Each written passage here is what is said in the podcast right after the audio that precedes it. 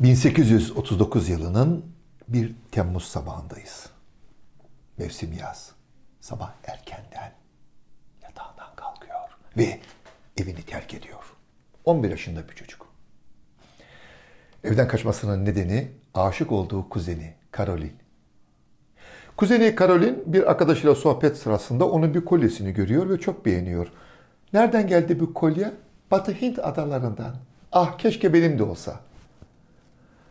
Çocuk bunu duyuyor ve kararlı.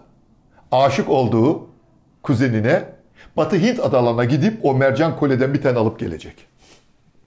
Bu nedenle evden kaçıyor, limana doğru koşuyor. Bir gemide müç olarak iş bulup Batı Hint adalarına gidecek. Annesi oğlunu yatağında göremeyince ve evin etrafında da bulamayınca feryat figan ediyor. Babasına gidiyor haber. Babası öğreniyor ki oğlu bir gemiyle kenti terk etti. Bir at arabasına binip geminin birkaç saat sonra uğrayacağı limana gidiyor babası ve oğlunu gemiden alıp eve geri getiriyor. Annesi gözyaşları içinde. Oğlum bunu bana neden yaptın? Annesi çok üzülüyor. O üzgün annesini görünce dayanamıyor şu sözü veriyor. Anneciğim söz. Bundan sonra sadece hayallerimde yolculuğa çıkacağım. Çocuk iyi bir eğitim alsın diye Paris'e gönderiliyor. Hukuk eğitim alıyor. Fakat fakat Victor Hugo ile tanışıyor. Alexander Dumas ile edebiyatçılarla tanışıyor. Ve 1863 yılında ilk kitabını çıkarıyor. Balonla 5 hafta. Bir yıl sonra dünyanın merkezine seyahat. Ve bir yıl sonra onun ardından üçüncü kitabı. Ay'a yolculuk. Annesine verdiği sözü tutuyor çocuk. Sadece hayallerinde yolculuk yapıyor.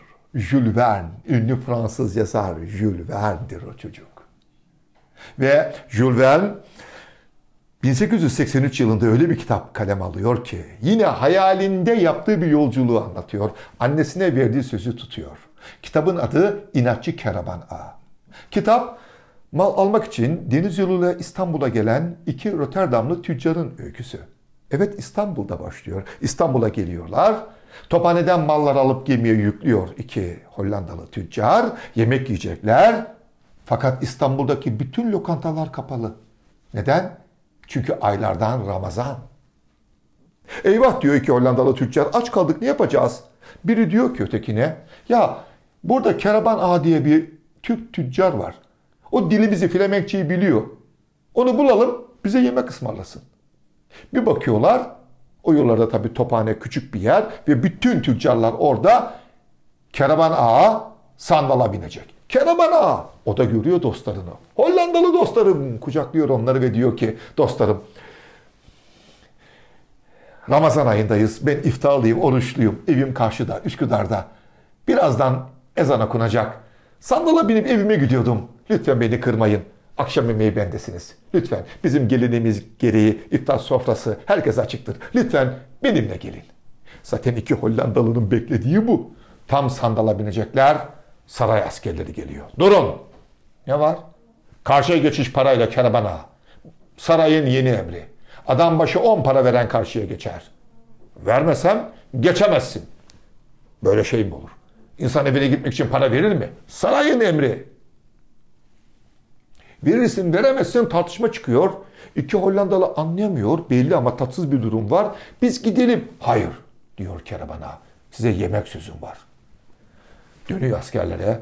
Karşıya geçiyorum. Size de 10 parayı vermiyorum. Git bakalım nasıl gideceksin. Görürsünüz. At arabasını getirtiyor.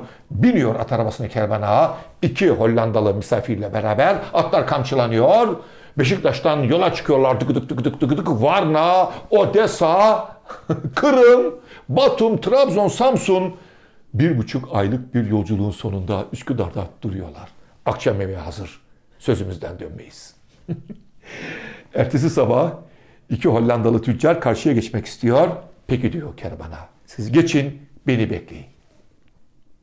Onlar para verip Üsküdar'dan iki Hollandalı tüccar karşıya geçiyor. Merakla bekliyorlar. Bu İstanbul'da duyuluyor. İnatçı Kerabana nasıl geçecek para vermeden Üsküdar'dan İstanbul'un Avrupa yakasına? Herkes boğazda. Bir bakıyorsunuz o gün Üsküdar'dan karşıya bir ip gerili, ipin üstünde bir cambaz yürümekte ve aynı zamanda bir el arabası sürüyor. El arabasının içinde keravana oturmuş.